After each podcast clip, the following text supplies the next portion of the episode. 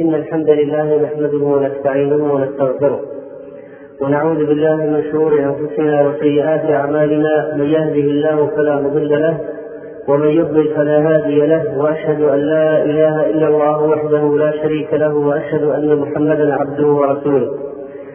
يا أيها الذين آمنوا اتقوا الله حق تقاته ولا تموتن إلا وأنتم مسلمون. يا أيها الناس اتقوا ربكم الذي خلقكم من نفس واحدة وخلق منها زوجها وبث منهما رجالا كثيرا ونساء واتقوا الله الذي تساءلون به والأرحام. إن الله كان عليكم رقيبا. يا أيها الذين آمنوا اتقوا الله وقولوا قولا سديدا. يصلح لكم أعمالكم ويغفر لكم ذنوبكم.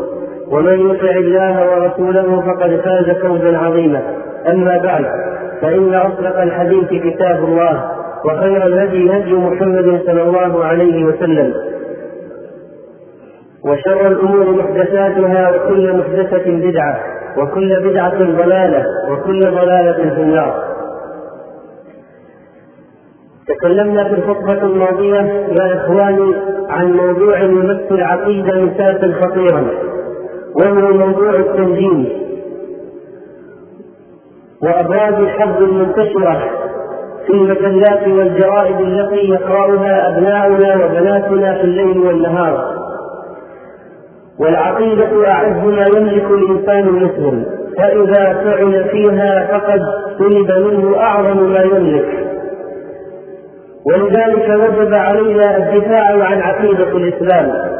وعن وعن دين التوحيد الذي بعث الله به الأنبياء وختمهم برسول الله صلى الله عليه وسلم. هذه العقيدة أيها الإخوة التي طالما حاربها الكفار والمنافقون في القديم والحديث وشنوا عليها غارات التجهيل والشعوذة والدجل والطرق الشيطانية المستوحاة من شياطين الإنس والجن ليصد الناس عن العقيدة الصحيحة والتوحيد. يجب أن يكون موقفنا حاسما تجاه هذه الأمور التي تكاد تعصد برأس المال للرجل المسلم. وفي هذا العصر مع أنه يسمى عصر الحضارة والتقدم العلمي والحضاري والتقني والمكتشفات والمخترعات بالرغم من ذلك فإن الناس قد تفشت فيهم. هذه الأوجه المنافية للعقيدة وهذا يدل أيها الإخوة على أن الشعوذة والدجل والكهانة لا تحارب بالحضارة والتقدم العلمي التقني أو التكنولوجي كما يسمونه. بل إنها تحارب يا إخواني بالعقيدة. إنها تحارب بالقرآن والسنة سلاح المسلم الوحيد الفعال الذي يجابه به الشرور والآثام والإفساد في الأرض. ولذلك ترى في المجتمعات الكافرة بالرغم مما وصلوا إليه من التقدم والحضارة ترى الشعوذة والدجل والتنجيل والعرافة والكهانة متفشية بينهم. بل إنك ترى دكتورا في جامعة من الجامعات المحترمة على حد زعمهم يتردد إلى عرافة أو دجال من الدجال إذا فالمصدر الوحيد الذي نستطيع من خلاله أن نقاوم ونصد هذه الهجمات الشرسة على دين الإسلام. هو القرآن والسنة. النور الذي أنزله الله من السماء. لكي يتبين به المسلم طريقه في دياجير الظلمة والشك. واعلموا يا إخواني أن الناس يتبسطون ويتساهلون في الإقدام وإتيان العرافين والكهنة. حتى أنه قلما يخلو بيت من البيوت في هذا العصر إلا وتجد فيه مصدقا بدجال أو مشعوذ يأتونهم بالليل والنهار بل إنهم يسافرون إليهم. فتجد إنسانا أصيب بسحر مثلا. يسافر إلى الهند أو بعض البلدان المجاورة ليذهب إلى ساحر كافر لكي يفك له السحر. أو يريد أن يعرف مستقبله المالي فيذهب إلى عراف أو عرافة فتقرأ له الكف أو الفنجان أو الوجع حتى تطمئنه على مستقبله المالي. لأن الثقة بالله قد فقدت ولأن العقيدة قد دمرت في نفوس أولئك الناس. وذكرنا في المرة الماضية شيئا عن مسألة التنجيم والأبراج ورسول الله صلى الله عليه وسلم.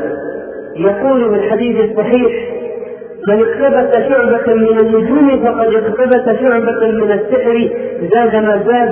رواه أبو داود بإسناد صحيح. هذه المسألة مسألة التنجيم التي عرفها علماؤنا بأنها الاستدلال بالأحوال الفلكية على الحوادث الأرضية هي من الأمور الشائعة اليوم.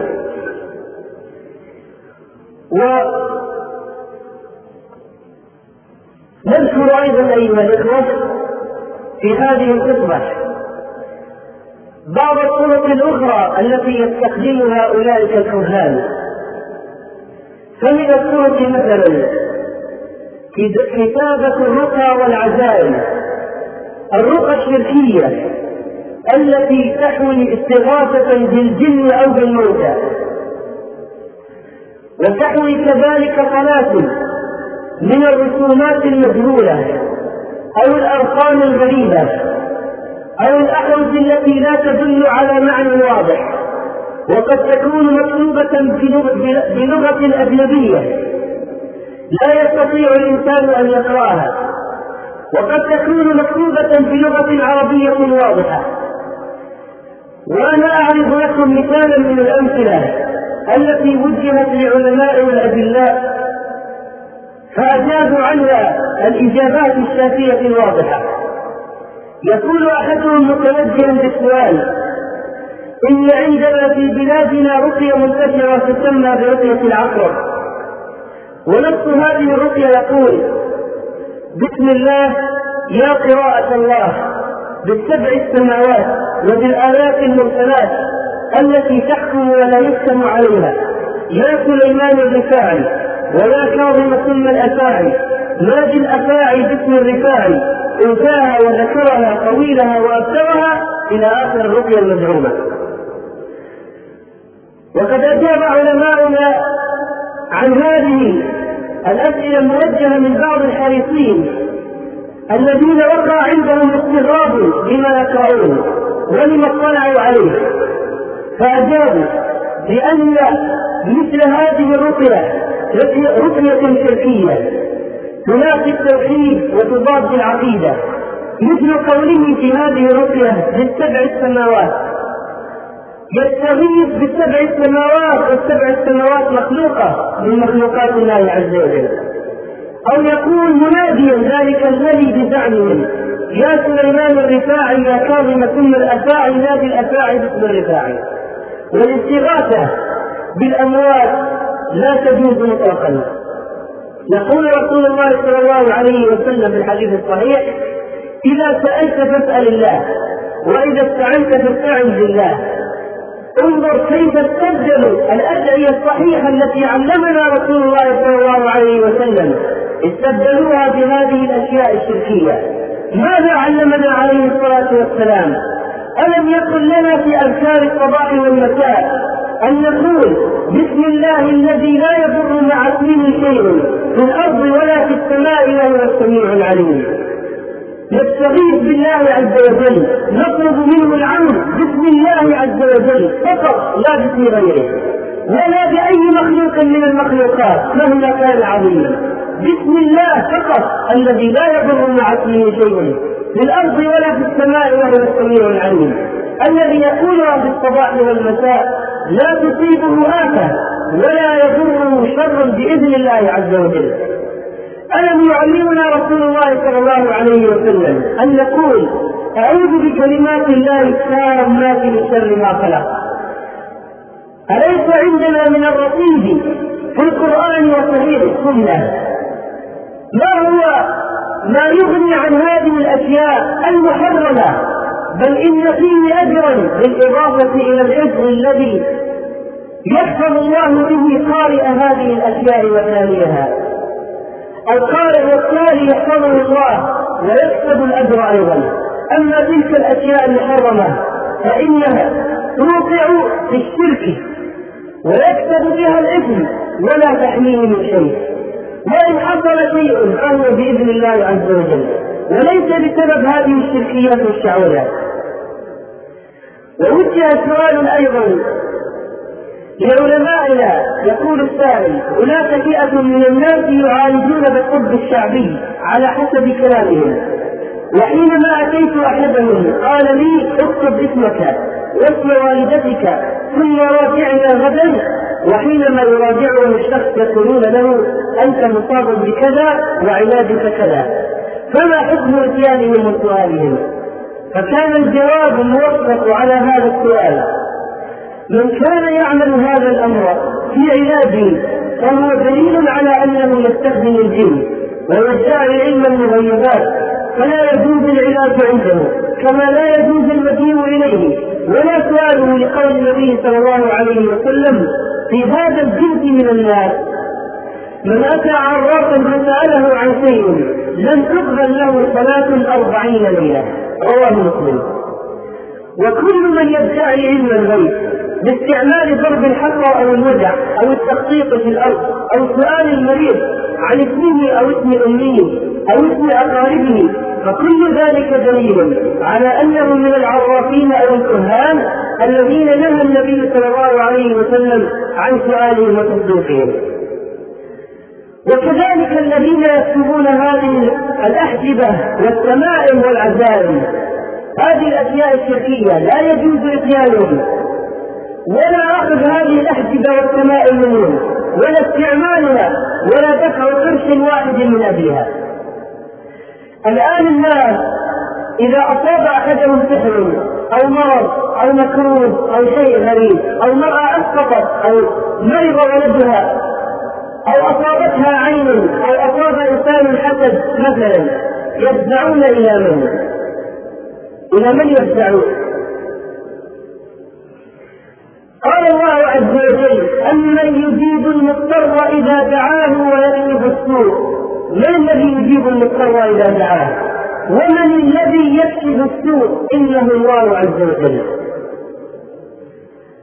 هو الذي يكشف الضر وينزل رحمته على عباده بعد أن قنطوا ويئسوا بدلا أن يلتجئ هؤلاء الذين يتسمون بأسماء المسلمين إلى الله عز وجل ليكشف لهم هذا الذي نزل بهم. فإنهم يكافرون ويبغضون وينقبون ويسألون وتجد الواحد يهمس في أذن الآخر. هناك عراف في البلد الفلاني اذهب إليه. في الشارع الفلاني يوجد امرأة تفك هذه الأشياء إذهب إليها. سافر إلى بلد كذا وأنا أعطيك عنوان اذهب إليه لقد جربت فنفع أكثر من مرة. ضحك الشيطان عليهم استحوذ عليهم الشيطان فأنساهم ذكر الله. أنساهم من الذي يكشف الضر. وإذا مرضت فهو يشفين وهو الذي يميتني ثم يحيين وهو الذي أطمع أن يغفر لي خطيئتي يوم الدين. يقول رسول الله صلى الله عليه وسلم في المعوذات قل أعوذ برب الفلق قل أعوذ برب الناس قل هو الله أحد ما تعوذ متعوذ بمثلهن هذه الصور التي يجب أن نتعوذ بها أن نقرأ بها على أنفسنا أن ننفذ في أكفنا بعد أن نسمعها ونقرأ هذه السور قبل النوم ونمسح بها أجسادنا. هذه هذا هو العلاج الشرعي لهذه الأشياء. الناس اليوم ماذا يفعلون؟ إلى من يلجؤون؟ ماذا يقرؤون وماذا يستعملون؟ إنها دياجير الشرك والظلمة التي خيمت على عقول وقلوب أولئك النفر الذين جهلوا التوحيد وما يضاد التوحيد لا يكفي أن نتعلم التوحيد فقط لكن يجب أن نتعلم ما يضاد التوحيد ما الذي ينافي التوحيد ما هو الشرك ما هي أنواع الشرك تعلم التوحيد أيها الأخوة مهم لكن تعلم الشرك أيضا مهم ولذلك بين لنا القرآن وبينت لنا السنة أنواع من الشرك لكي يحذرها الإنسان. لا يكفي أن تتعلم الخير فقط بل يجب أن تتعلم ما يحذرك من الشر ما هي طرق الشر ما هي أساليب الدجالين والمتعودين حتى تحذر منهم. كذلك انظر إلى تلك الأوراق ماذا يكتب فيها؟ لقد فتحنا بعضها أيها الإخوة. فإذا الرائحه العجلة تنطلق منها أوراق بالية كتبت بحبر قديم يعلوها التراب جلد معفن يضعونه على أعناقهم. أوراق يضعونها بينهم وبين بين اكتافهم وثيابهم. يزعمون أنها تنفع وتدفع.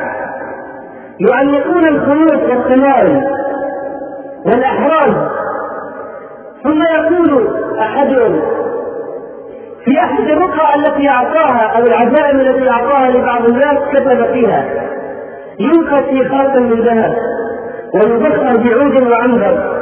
ويلبس على طهارة تامة ويدين ذكر اسم الله تعالى علي عظيم في دبر كل صلاة 1130 مرة. لمدة أسبوع من بعد صلاة الصبح يوم الجمعة. تنتهي يوم الخميس بعد صلاة العشاء إلى آخر الدجل والشعوذة هذا دليلا على قراءة هذين الاسمين 1130 مرة بعد كل صلاة مدة أسبوع. يعطونها للجهل على أنها وصفات مثل الوصفات الطبية. لها مقادير معينة. مرات معينة تستخدم مدة العلاج كذا وكذا. حتى متى يظل أغبياؤنا وجهالنا يصدقون بمثل هذه الأمور.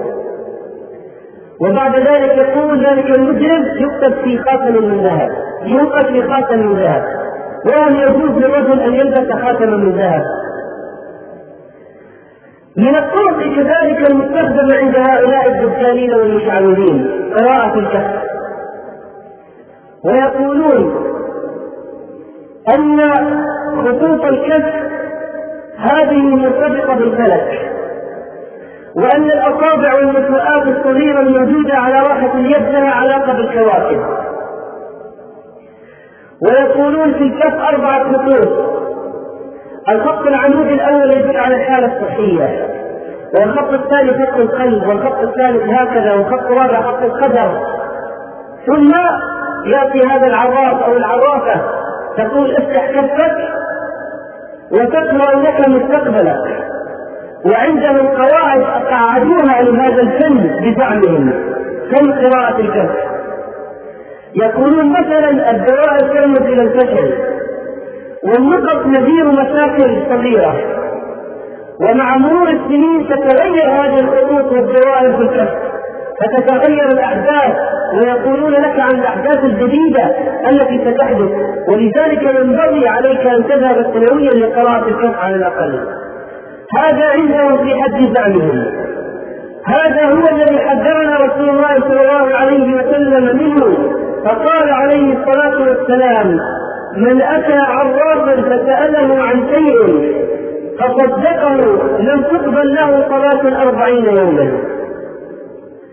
وكذلك طريقة قراءة السجال ولها قواعد عندهم.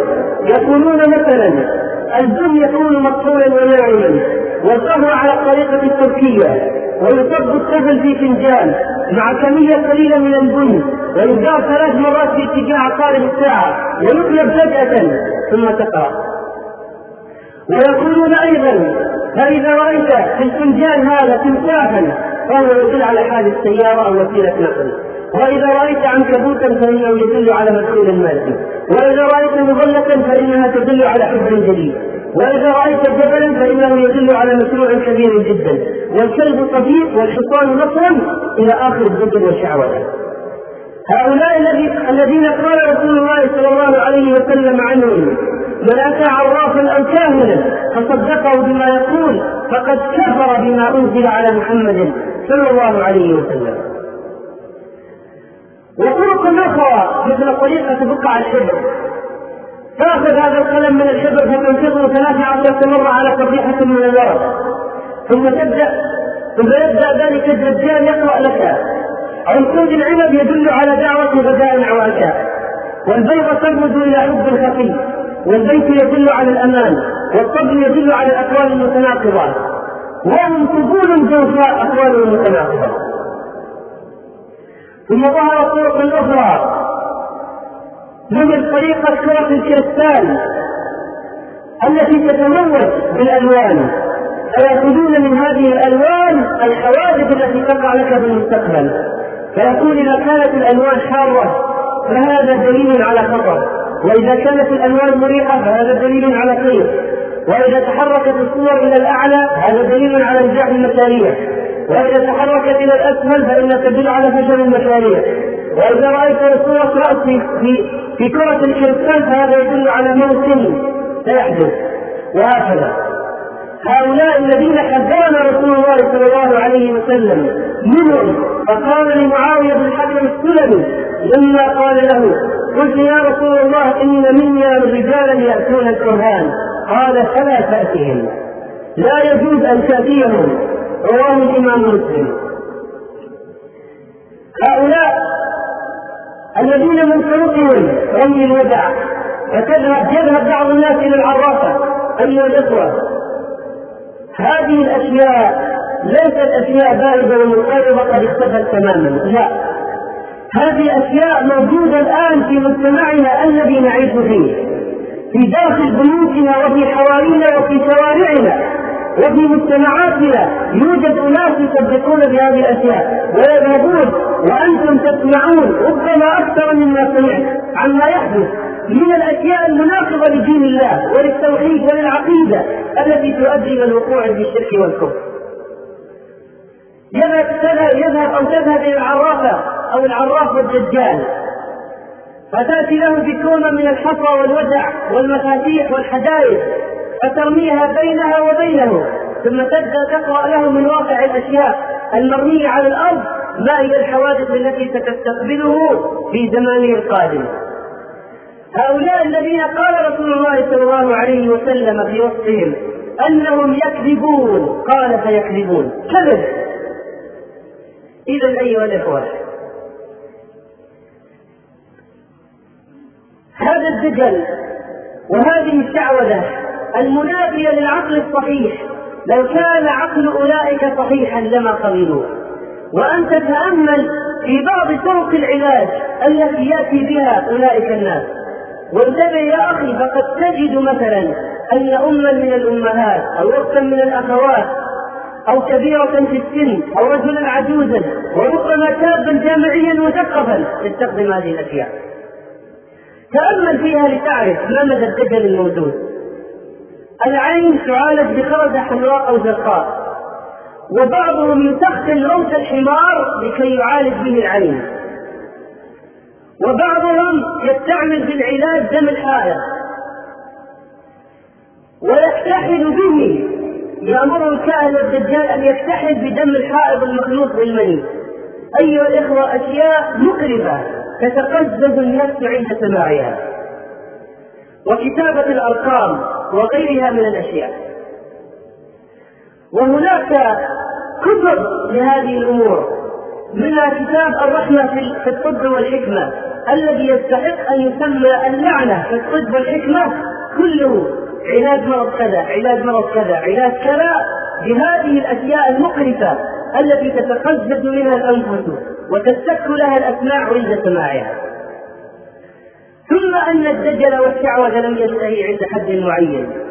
فقد طلع علينا أولئك بأشياء كثيرة منها تلك الوصايا المكذوبة التي عمدوا إلى نشرها بين الناس.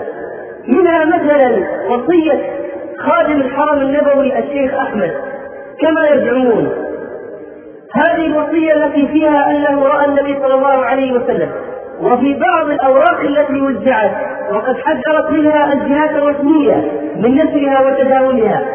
ويجب على كل من رآها أن يمزقها بدلا من أن ينشرها. يقول أنه قد رأى النبي صلى الله عليه وسلم في المنام وفي بعض الأوراق أنه قد رأى النبي صلى الله عليه وسلم حقيقة.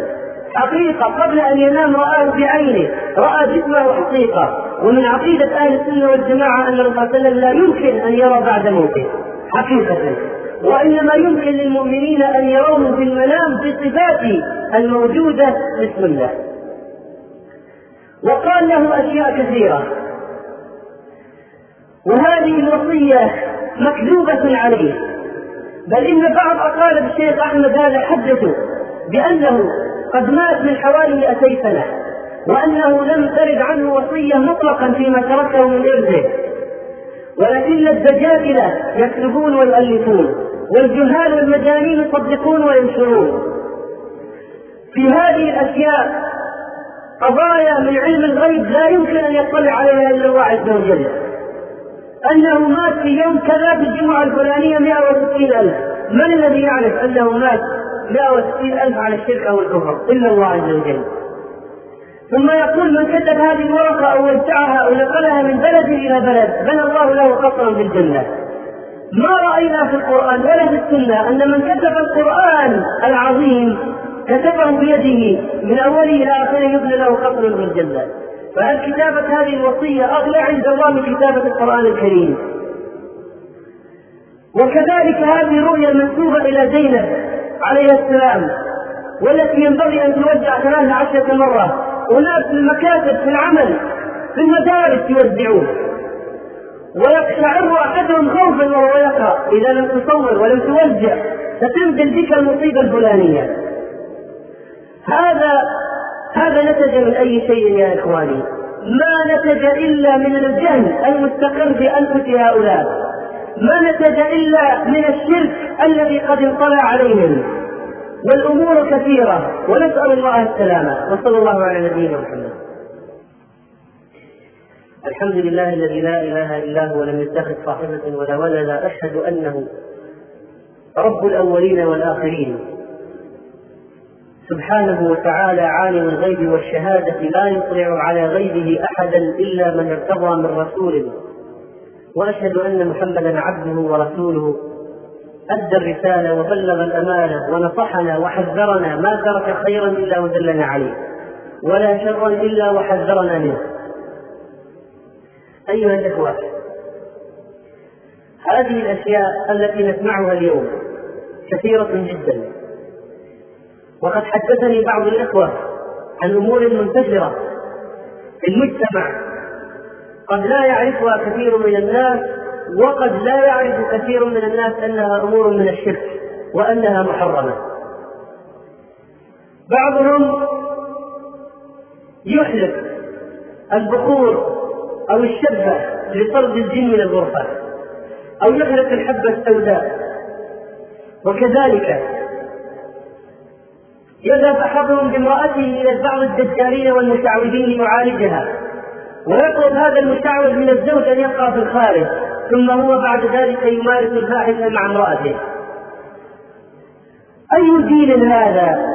وأي عقيدة فاسدة هذه؟ و... وأي فقدان للغيرة قد انطوت عليها أنفس هؤلاء الأطفال عندما يولدون من ضمن الهدايا التي تأتي إليهم من الأقارب الخرجات الزرقاء. مصحف ذهب آية الكرسي الله ومعها أيضا خرجات زرقاء. هذا ما يهدى اليوم عند ولادة الأطفال. يزعمون أن هذه الخرجات الزرقاء تقي هذا الولد العين. كذلك أيها الإخوة ما يسميه البعض بالصدود وهو لا شك أنه من السحر يذهبون إلى بعض السحرة ليفك السحر الذي حدث له ففرق بينه وبين زوجته.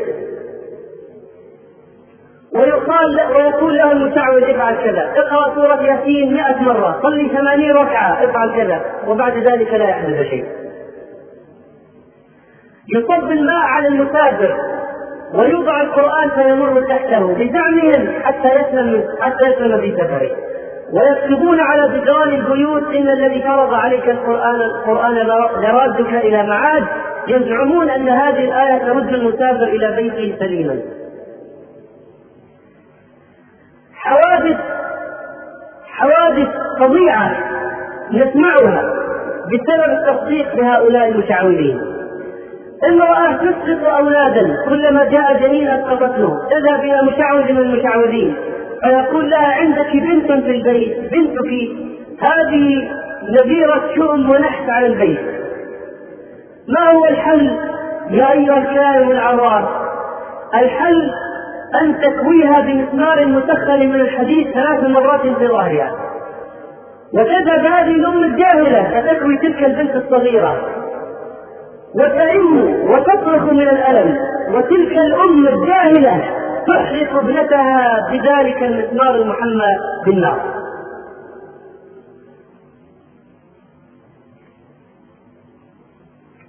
وما هي قيمة الوصفات؟ 500 ريال تحرق البنت ثلاث مرات مسمار من نار والقيمة قيمة الوصفة 500 ريال سلسلة توضع على البطن مقفولة بقفل يزعمون أن وضع السلسلة عليها القفل ينفع المرأة إذا أسقطت عدة مرات يعني قفلنا القفل فلم يسقط الجنين مرة أخرى. ويعلقون الملح بالسيارات. ويزعمون بأن السباحة في الماء المالح أو السفر في البحر يدفع العين ويزيل الحسد والشر يذبحون الخروف على باب البيت. ويلطخون عتبة البيت وباب البيت بدم الذبيحة. وبعضهم يخوضون في الدم بأقدامهم. أو يذبح دجاجة على السيارة لكي لا يصيب السيارة مكروه. وهكذا.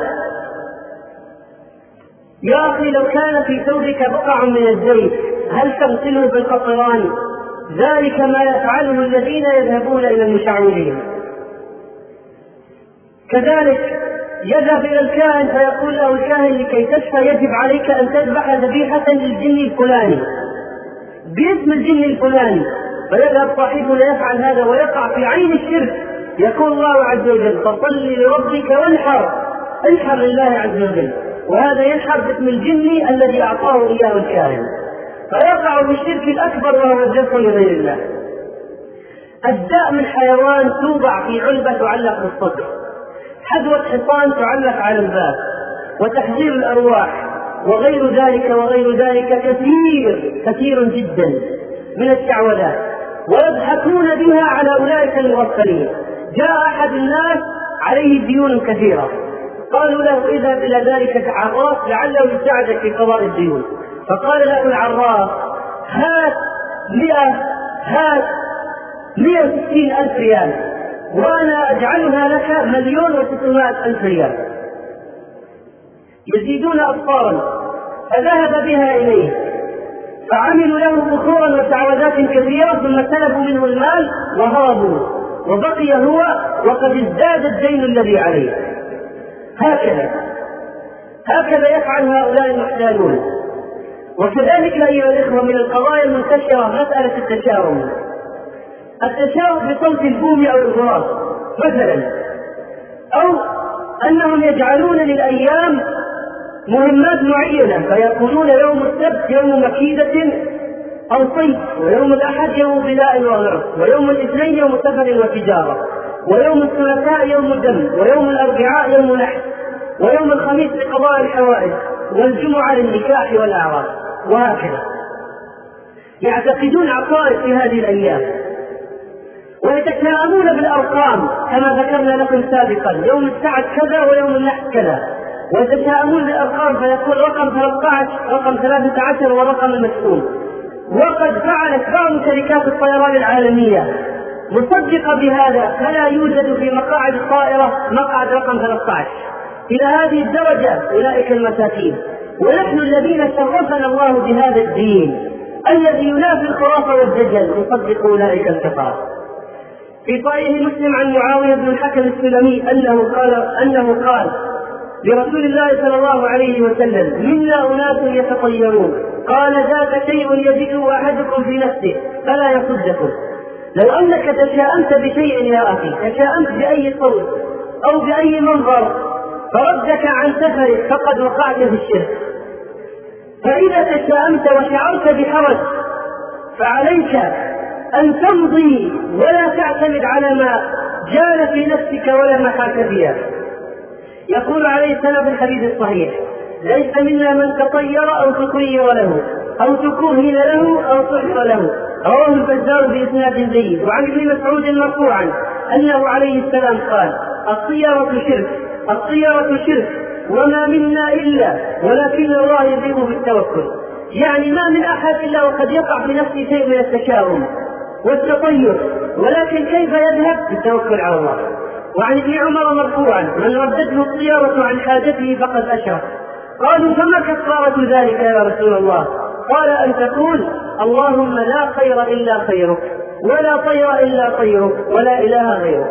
هذه هي كفارة التشاؤم أو التطير إذا وقعت فيه. أن تقول اللهم لا خير إلا خيرك ولا طير إلا طيرك ولا إله غيرك حديث صحيح. يجب أن تعلم يا أخي أن الله يقول ما أصاب من مصيبة في الأرض ولا في السماء. ما أصاب من مصيبة في الأرض ولا في أنفسكم إلا في كتاب من قبل أن نقرأها إن ذلك على الله يسير. اللهم يا مقلب القلوب ثبت قلوبنا على دينك. اللهم يا مصرف القلوب صرف قلوبنا على طاعتك. اللهم واجعلنا هداة مهتدين غير ضالين ولا مضلين. اللهم باعد بيننا وبين أهل الشعوذة والدجل والسحر واجعلنا من أهل التوحيد وصحح عقائدنا وتوفنا على الملة المحمدية واجعل خروجنا من الدنيا على شهادة التوحيد. لا إله إلا الله محمد رسول الله. اللهم وفقنا لما يرضيك وباعد بيننا وبين ما لا يرضيك واكشف لنا سبل المجرمين. اللهم واجعلنا هداة مهتدين دعاة إلى سبيلك نحذر الناس من الشر ومن الوقوع فيه اللهم وفق أبناءنا في امتحاناتهم. اللهم واجعل عملهم في رضاك. اللهم وباعد بينهم وبين الغش والخديعة. وأكل مال الحرام بالشهادات المزورة. اللهم واجعلنا ممن يخافك ويتقيك. وصل اللهم على نبينا محمد صلاة كاملة تامة كما تحب وترضى. وقوموا إلى صلاتكم يرحمكم الله. صلى الله على نبينا محمد.